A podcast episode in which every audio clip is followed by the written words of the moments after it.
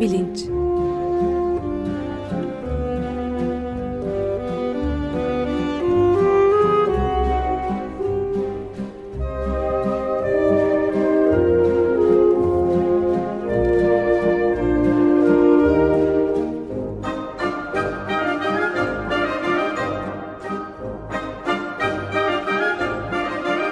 Güven Güzeldere ile bilim ve felsefe sohbetleri.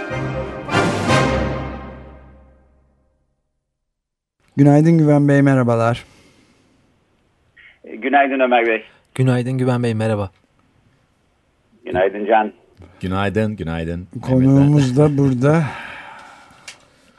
Ee, siz tanıtır evet, mısınız? Konuğumuz Mehmet Gürs. Mehmet Gürs. Ee, günaydın, hoş geldiniz, merhaba. Ee, bilimde, felsefede ve sanatta koku ve tat algısı serisinin e, sanıyorum ki son programına gelmiş bulunuyoruz. E, işi felsefe tarihinden başlatıp e, bilimsel bir e, yolculuk e, yaptık. Daha sonra işin kültürel kısmına, sosyolojik kısmına baktık. En son e, geçen hafta lezzet konusunu ele aldık ve çaydan bahsettik. Bugün de yine lezzet konusunda devam edeceğiz. E, ama e, yiyeceklerden ortaya çıkan e, lezzetten bahsedeceğiz ve koku ve tat bileşenlerinin lezzeti ne şekilde oluşturduğunu, bunu bu oluşturmanın sanatını aslında biraz konuşalım istiyoruz. Konuğumuz e, Türkiye'nin lezzet yaratma konusunda en yaratıcı isimlerinden bir tanesi Mehmet Gürs. İstanbul Yiyecek İçecek e, grubu bünyesinde 19 işletmenin şefi ve ortağı. E, yani bir yandan işte aile lokantalarından e, İtalyan lokantaları gibi ya da e, self servis lokantaları gibi değişik türde e, lokantaların şefliğini yaparken aynı zamanda kahvecilik işinde de ciddi bir e, atılım yapmış durumdalar. E, fakat bunların da ötesinde e, İstanbul'da çağdaş lokantacılığın e, başını çekiyor Mehmet Gürs ve e, vizyoner bir yeni Anadolu mutfağı e, kavramıyla e, karşımıza çıkıyor. Buradan da kastedilen e, kadim bilgileri kullanarak e, bir antropolog gibi e, işte annelerle, dedelerle bölgenin ürünleri, yöntemleri, alışkanlıkları hakkında e, söyleşerek, bilgi toplayarak e, bunları yenilikçi yöntemlerle e, işte bugünün e, damağına uyacak lezzetler e, halinde sunmak. E, Mehmet Gürs'ün şirketleri Türkiye'yi pek çok dünya şampiyonasında e, temsil etmiş durumda ve uluslararası tanınırlığa sahip. Biz de burada bu lezzet oluşturma sanatını e, ne şekilde icra ettiğini kendisine bu koku ve tat algısı serisinin e, sonunda sormak istiyoruz. E, Mehmet Bey yeniden hoş geldiniz. Teşekkür ederiz. Hoş bulduk. E, e, şuradan başlayalım. İsterseniz bu e, bir antropolog gibi çalışma kadim bilgileri e, eskiden kullanılan e, yöntemleri, ürünleri, alışkanlıkları derleyip bunlarla yeni bir lezzet oluşturma yolunda hangi adımlarla başlıyorsunuz ve e, ne tür kriterlerle ilerliyorsunuz? Yani ne hangi, nasıl bir sürecin sonucunda tamam bu lezzet yeni ve benim sunmak istediğim, arkasında durmak istediğim bir lezzet e, kararına varmış oluyorsunuz.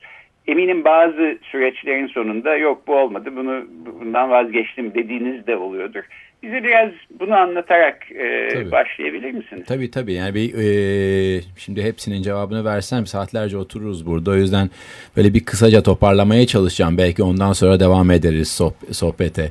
Şimdi e, belki de yani koku ve tat meselesine çok spesifik olarak girmeden ilk başta e, bu daha çok yaratım sürecine e, den başlamayı tercih ediyorum. E, çünkü zaten le, tat, koku, doku, bütün bunlar hepsi e, birbirinin ayrılmaz parçası. Bir tanesini çıkarırsak işin içinden zaten sonuç sonuca pek varamıyoruz. E, birebir bağlı hepsi. E, şimdi bir aşçı için iyi yemek yapabilmek için ya da yemek yapabilmek için bir ham madde ihtiyacı var. Bu ev, evimizde de aynı şey, lokantalarda da, en üst düzey lokantalarda, daha basit lokantalarda da.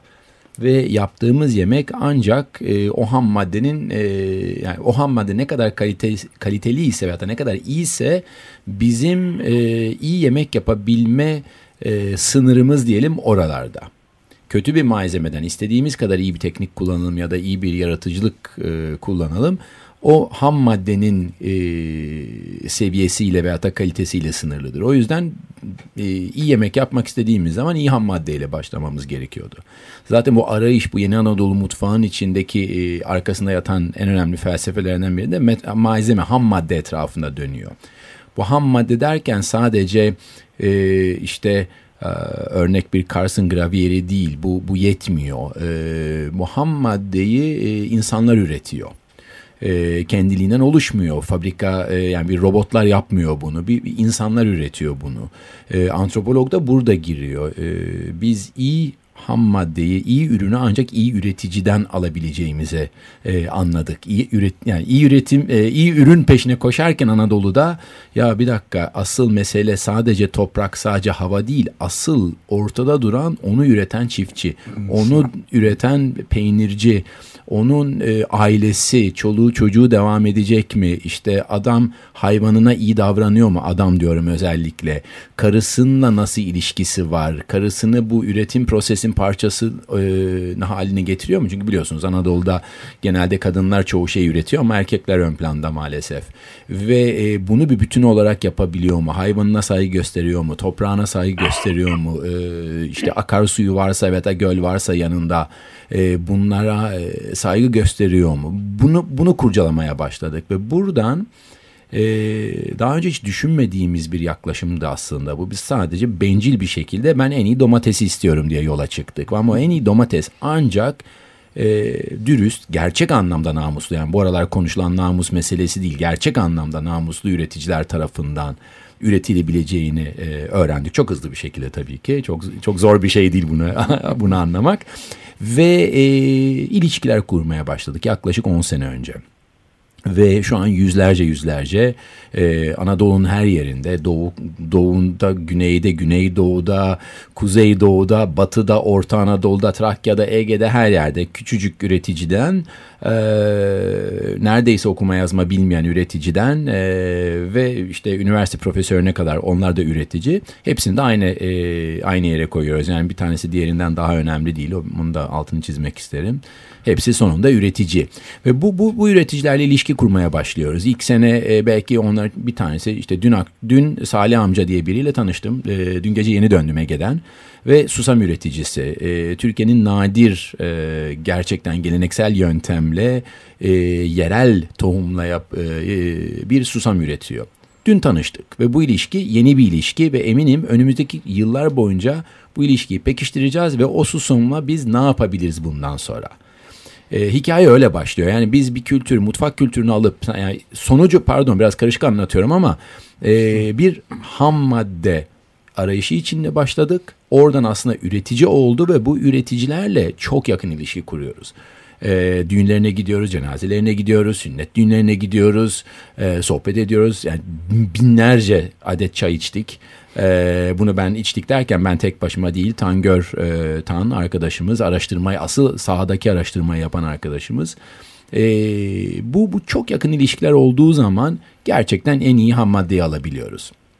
Müsaadenizle bir soru sormak Tabii. istiyorum tam bu noktada. Belki biraz yan bir soru olacak ama içinde bulunduğumuz günlerde özellikle haberlere baktığımız zaman sıcak geçen kış aylarından ve geçtiğimiz senenin yaz aylarından ötürü birçok konuda birçok üründe e, mahsulün %50'lere varan %60'lara varan kayıplarından bahsediliyor. Bunların başında da buğday geliyordu. Ya yeni okuduğumuz bir haberde e, Malatya yöresinde ol, olsa gerek yanlış hatırlamıyorsam e, büyük oranlarda %70'e varan oranlarda buğdayın kaybından bahsediliyor ki bu bölge de aynı zamanda buğdayın ilk olarak ortaya çıktığı bölge olarak nitelendiriliyor. E, siz yakından bu durumu takip ed etmek durumunda kalıyorsunuzdur diye umuyorum. İçinde bulunduğumuz günlerde böyle e, geç, geçmiş senelere karşılaştırıldığı zaman, kıyaslandığı zaman ne gibi değişiklikler görebiliyorsunuz? Artık zorlaşan bir şeyler var mı ya da hangi konularda zorluklar çıkıyor? Ee, yani birçok konuda. Ee, tabii ki iklim değişikliği e, gerçek bir iş. Onu görüyoruz sahada. Bir iki örnek e, vereceğim. E, ve e, üreten üretici büyük ya da küçük üretici birebir iklime bağlı. Ha, ya da bir ton e, zararlı e, kimyasal ilaç demiyorum. ilaç iyileştiren bir şey olarak algılıyorum. Ben genel Türkiye'de ilaç yani atıyorum mutfakta kullanılan e, temizlik malzemesine de ilaç deniyor tuhaf bir şekilde ama e, to, e, bir ton e, zirai e, zehirler e, veyahut da işte e, sentetik gübreler zarar veren toprağı kullanıyorlar. E, biraz dengeleyebilmek için ama bu daha da büyük tahribat yaratıyor e, baktığımız zaman mevsim erken alındı. Hı, e, evet. Örnek Cambazlı Köyü, Tire'ye yakın Cambazlı Köyü'nde e, karadut almaya gidiyoruz. E, sadece karadut, yani karadutumuzu sadece oradan alıyoruz. Oranın e, yani siyah dut, beyaz dut değil, oranın yerel mayhoş olan karadutu orada yetişiyor. E, hakikaten Türkiye'nin açık ara en iyi karadutu diyorum. Tam o yüzden değiyor. bu arada. E, daha başlamadı orada. Tam. Başlamadı. E, başlamadı. E, yeni daha işte üç gün önce de orada oradaydık.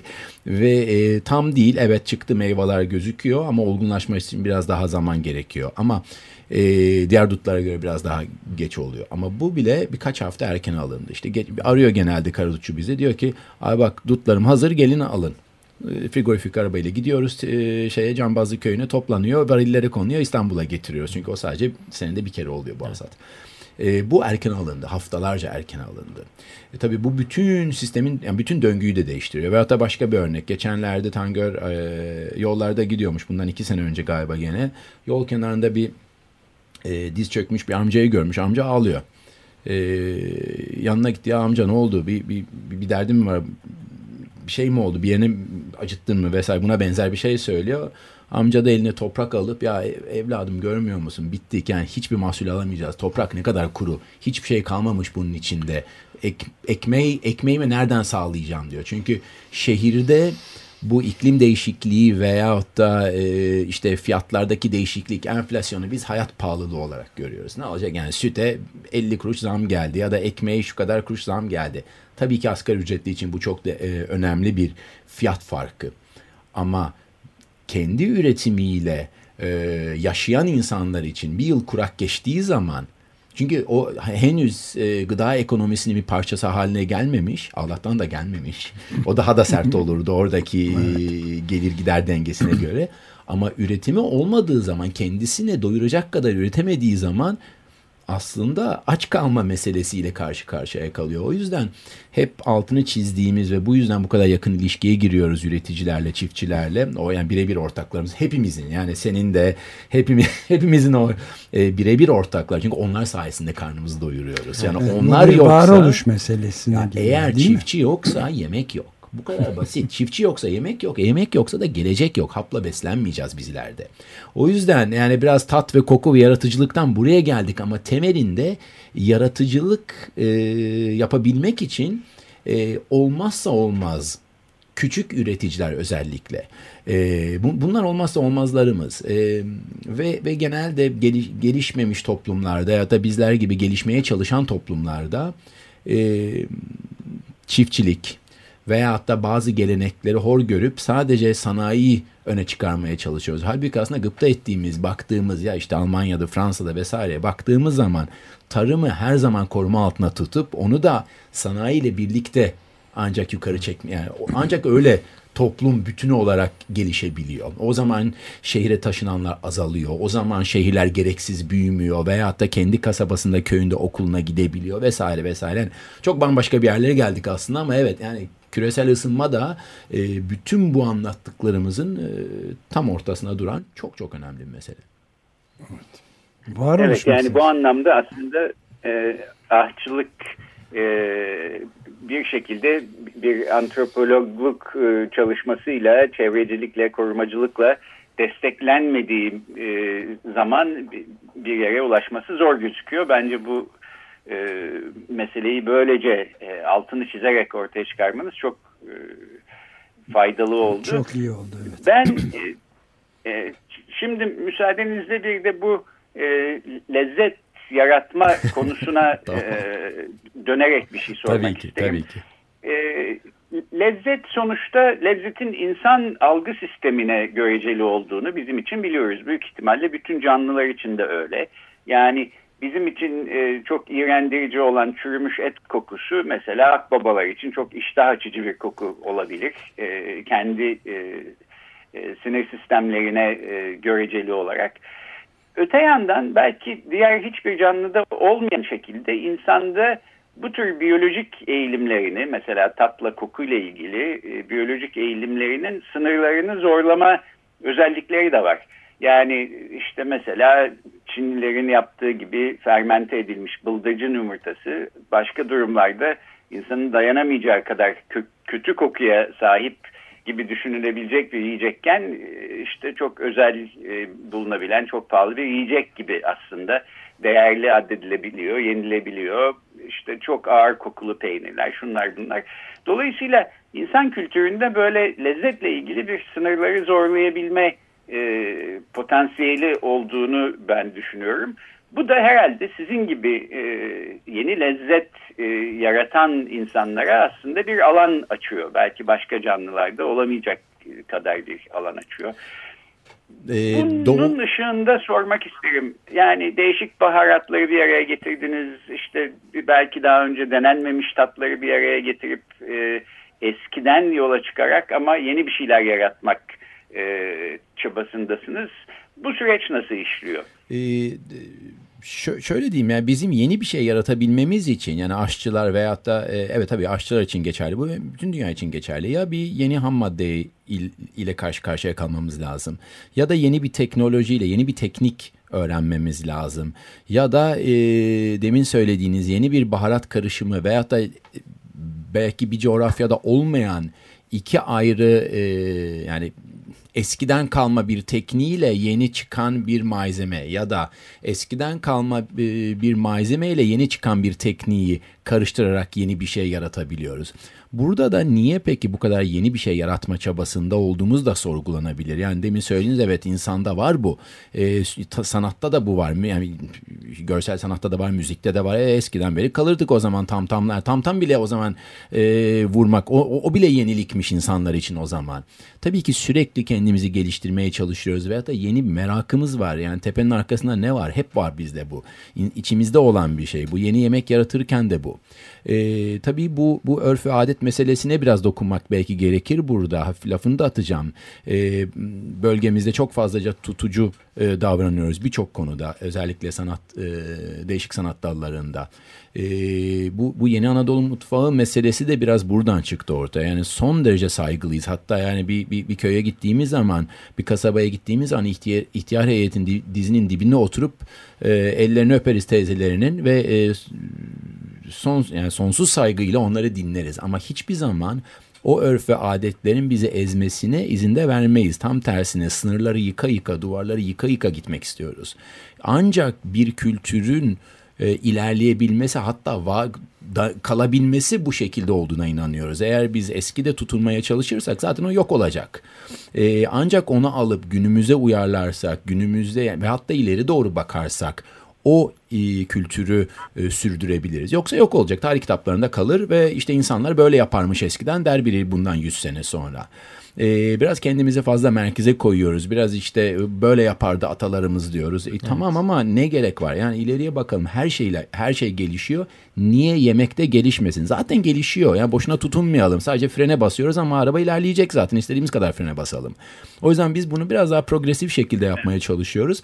Ama tekrar altını çizerek yani e, hakikaten e, amcalara, teyzelere, geçmişte yapılmış olanları her türlü dini inançlara ya da etnik e, grupların e, yemek kültüründen öğrenmeye de çalışarak bunu yapıyoruz. Bir de ben de buna küçük bir soru ilave edeyim Mehmet izninle. Şey e, yani e, bu bir takım to tohumların bilgilerinin mesela antik bilgilerinin giderek kaybolmakta olduğu gibi çok önemli bir e, sorundan da bahsediliyor. E, ve ancak bazı çok e, yaşlı kadınlarda, teyzelerde, ninelerde bulunduğu ve bunun nasıl muhafaza edip ileriye taşınabileceği gibi bir sorun var. Bununla karşılaşıyor musunuz? Bu çok oluyor. Bu da ancak kullanırsak olur. İşte dün an, e, demin anlattığım işte Salih amca e, susamı üreten Salih evet. amcanın susamını ondan satın alırsak ve güncel bir mutfakta kullanıp bunu da 20'li yaşlarındaki gençleri cool hale özellikle cool kelimesini kullanacağım hmm. burada. Cool hale getirebilirsek Salih amcanın susamını kullanmak o zaman onu satın almaya başlarlar. Salih amca ekonomik sistemin bir parçası olur, malını satabilir. O yüzden de üretmeye devam edebilir. Yoksa kimse onu almayacak. Çin'den oradan buradan gelen susamlar kullanılacak. E, o zaman geleneksel Osmanlı tahininden veyahut da işte helvasından bahsetmek mümkün olmaz. Çünkü örnek Akyaka'da yetişen susam oradaki deniz rüzgarı tuzlu rüzgardan etkileniyor. Onun tadı bambaşka oluyor vesaire vesaire. Bu da temelinde o lezzeti etkiliyor. İşte yaratıcılık meselesine de gelince bize yeni bir malzeme geldiği zaman Bun, ancak yeni bir malzeme gelecek yeni bir şey yaratabilmemiz için ya da bir tat, bir koku olabilir, bir kültür, bir şeyi yemek yeme şekli atıyorum yer sofrası bile veyahut da yemeği paylaşmak, e, elinle bir e, pideyi koparmak bile bir hareket olabilir. Oradan aklımıza ya acaba bu elle koparma hareketini biz üst düzey bir lokantada nasıl kullanırız? İnsanların ekmeği paylaşması veya da yemeği paylaşması esprili olur mu, iyi olur mu, yemeğe yaklaştırır mı, yemeğin lezzetini artırır mı elinle yemesi veya da bir çatalla yemesi gibi bütün bu değişik şeyler bizim yaratıcılığımızı etkileyen hikayeler. O yüzden de bir toprağı, bir bölgeyi, bir kültürü, kültürleri çünkü bir kültür demeyelim de o bölgedeki bütün kültürleri anlamaya çalışıyoruz. Ondan sonra temiz bir sayfayla biz bundan ne edindik? Tabii ki kendi geçmişlerimiz de bunda çok etkili oluyor ki onu nasıl e, geliştirdiğimizi e, etkiliyor tabii ki kendi geçmişimizde. Peki jenerasyonlar bu konuda ne durumda? Yani e, çocuklar babalarının ya da dedelerinin aynı şekilde e, devam ettiriyorlar mı kendi gelenek olarak gördükleri usulleri ve erkanları bir diğer taraftan da kayboluştan bahsedebilir miyiz? Ya da gözünüzün önünde kaybolup da içinizin yandığı e, çeşitli ee, oluyor. örnekler var mı? Ee, gözümüzün yandığı değil, hüngür hüngür ağladığımız böyle şeyler oluyor. Hem doğal tahribattan dolayı artık üretemiyorlar çünkü bir baraj gelmiş oluyor veyahut da başka bir şey olmuş oluyor. Bunları oluyor ayrı. Ama onun dışında mesela işte e, şeyde e, e, Karaburun'da e, Kopanisti peynir üreten bir amca ile teyze vardı. Hı hı. Amca artık yaşlandı. Ona şey diyorum yani The Last of the Kopanisti Makers diyorum. Biraz şey Mohican filmine evet. laf atarak biraz oradan. Ama hikaye şu yani hakikaten sonuncusuydu. Gerçek geleneksel yöntemle Kopanisti üreten. Önce amca yapam çünkü çok ağır bir iş. Önce o yapamamaya başladı. Ondan sonra yani çünkü fiziksel güç istiyordu. Sonra e, teyze devam ettirdi. O da e, belli bir yerden sonra yapamamaya başladı. Artık bitti. Yok o. Artık o üretilmiyor ve bu, bu gitti gitti. Evet kayıt altında mı? Evet videoya çektik, şunu yaptık, bunu yaptık ama e, şu gerçek o yüzden bu örf ve adede tutunma veyahut da eski gelenekleri tutunma derken bunu gerçekten biraz daha e, gerçekçi bak bakmamız gerekiyor. Bugün hangi birimiz 15 yaşındaki veyahut da 14, 16, 17 yaşındaki bir genci iPad var, telefon var, bilgisayar köyde de var bunlar. Hı hı. Evet. Bunlar varken nasıl onu ikna edip de gel sen geleneksel yöntemle ve açlık sınırında bilmem ne tarımını yap. Gerçekten zor. Bu onun yerine şehre gidiyor. Şehirde heyecan var. Şehirde ha evet ondan sonra modern köle oluyor. Bir inşaatta çalışıyor işçi olarak vesaire. Ya o ayrı bir hikaye. Ya plaza müthiş şanslı ise plazada çalışıyor. Evet. O plazanın inşaatında çalışıyor çoğu zaman bu çocuklar. Evet. Çünkü şehirliyle rekabet edemiyor çoğu zaman maalesef. O yüzden de yani müthiş dramlar yaşanıyor. Ee, özellikle kırsaldan e, kırsal, e, kırsalda yaşayan birinin özellikle küçük köyde yaşayan birinin şehrine taşındığı zaman. Ee, evet kayboluyor mu? Kayboluyor ama aynı zamanda tabii ki çok sevindirici örnekler var. Hep burada vah vah demeyelim. En basitini söyleyeceğim. Bir tane mesela Tıflı Paşa var. İsmini söylemekte bir mahsur görmüyorum. Edremit'te 10 nesildir e, helvacı. Hı hı. Ve e, yani 10 nesil. 10 nesildir. 200 yıl falan demek. 10 yani. nesildir helvacı ve ve e, Murtaza amca oğluna öğretiyor en son. Oğlu devralıyor ve babası anlatıyor benden daha iyi yapıyor şu an ustasını geçti diyor. E, ne yapıyor? Aynı helvayı üretiyor ama yine kendi bir yaklaşımı var ve bugün genç e, yapıyor, ustalığını yapıyor, tutunabiliyor, Edremit'te kalıyor bununla, gurur duyuyor vesaire. O yüzden doğru şartlar olduğu takdirde evet devam etmesi mümkün. Genelde erkek babadan oğula, anneden kıza ya da babadan kıza neyse e, bu üretimi devam ettirmek mümkün. E, ama daha fazla iyi örneğe ihtiyaç var. Evet. Yani bu demin verdiğim örnek güzel bir örnek. Yani iyi örnekler arttıkça e, bunu toparlamak mümkün. Yani imkansız diye bir şey yok. Onun için yoksa o zaman uğraşmazdık zaten. Zanaat olarak görmek evet. lazım belki biraz da ustadan çırağa. Tüketicinin de fiyat farkını ödemesi lazım. Evet. Evet kesinlikle tabii. Yani tabii. o ürününle bir fabrikanın Çin'den gelen bir susamla bilmem neyin arasındaki fiyat farkını bizler o fiyat farkını veriyor olmamız lazım ki o hakkıyla devam etsin yapmaya. Evet. Evet sonlarına evet, geliyoruz. Ve yani bu sayede de e, ben de toparlayayım gastronomik zenginliğimiz de e, sürebilsin. Anadolu'nun e, sağladığı zenginlik yoksa sizin de dediğiniz gibi böyle yok olup giderse bu, bu çok e, acı bir e, sonuç olur. E, burada e, belki gelecek hafta yapacağım bir programda e, bahsederim diye az önce düşünüyordum. Bu lezzeti oluşturan e, bileşenler arasında koku ve tat tabii en başta geliyor ama bunun yanı sıra başka beklentiler, görsel ve işitsel faktörler de var. E, işte mesela yemeğin nasıl sunulduğu. E, ben bunu sizin lokantalarınızda da dikkat ediyorum. Özellikle dikkat ettiğiniz e, ve çok yaratıcı davrandığınız şeylerden bir tanesi.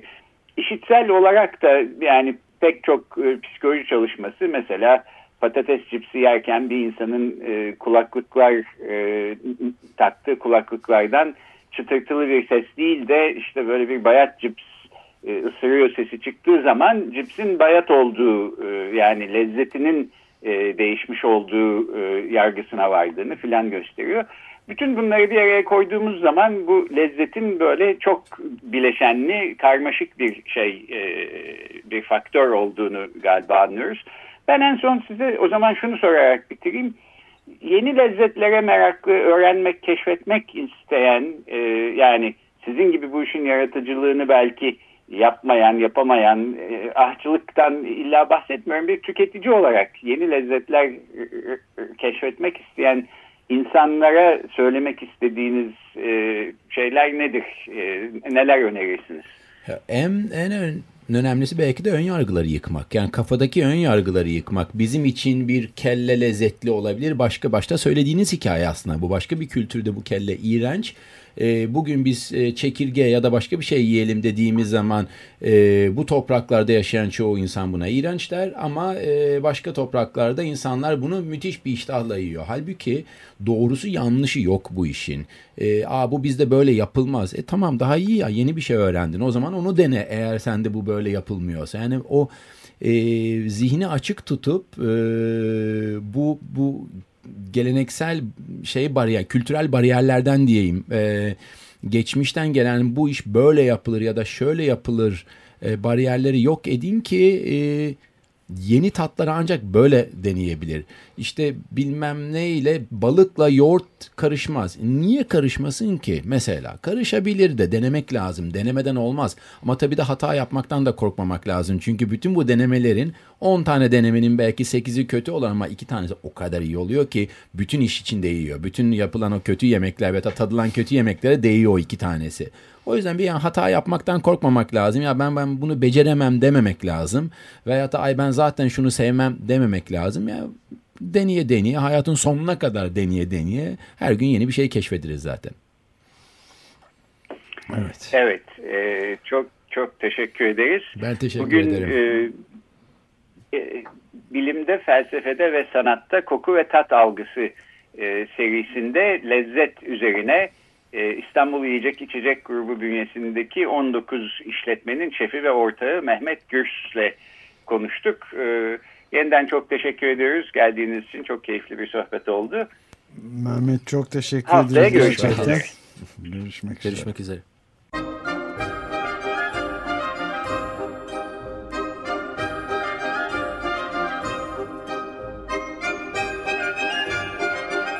Açık Bilinç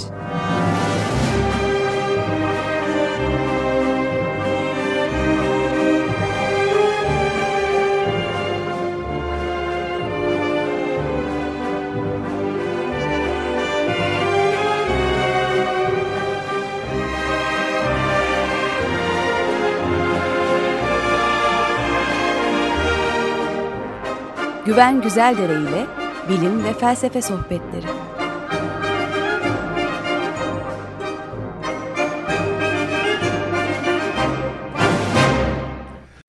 Açık Radyo program destekçisi olun. Bir veya daha fazla programa destek olmak için 212 alan koduyla 343 41 41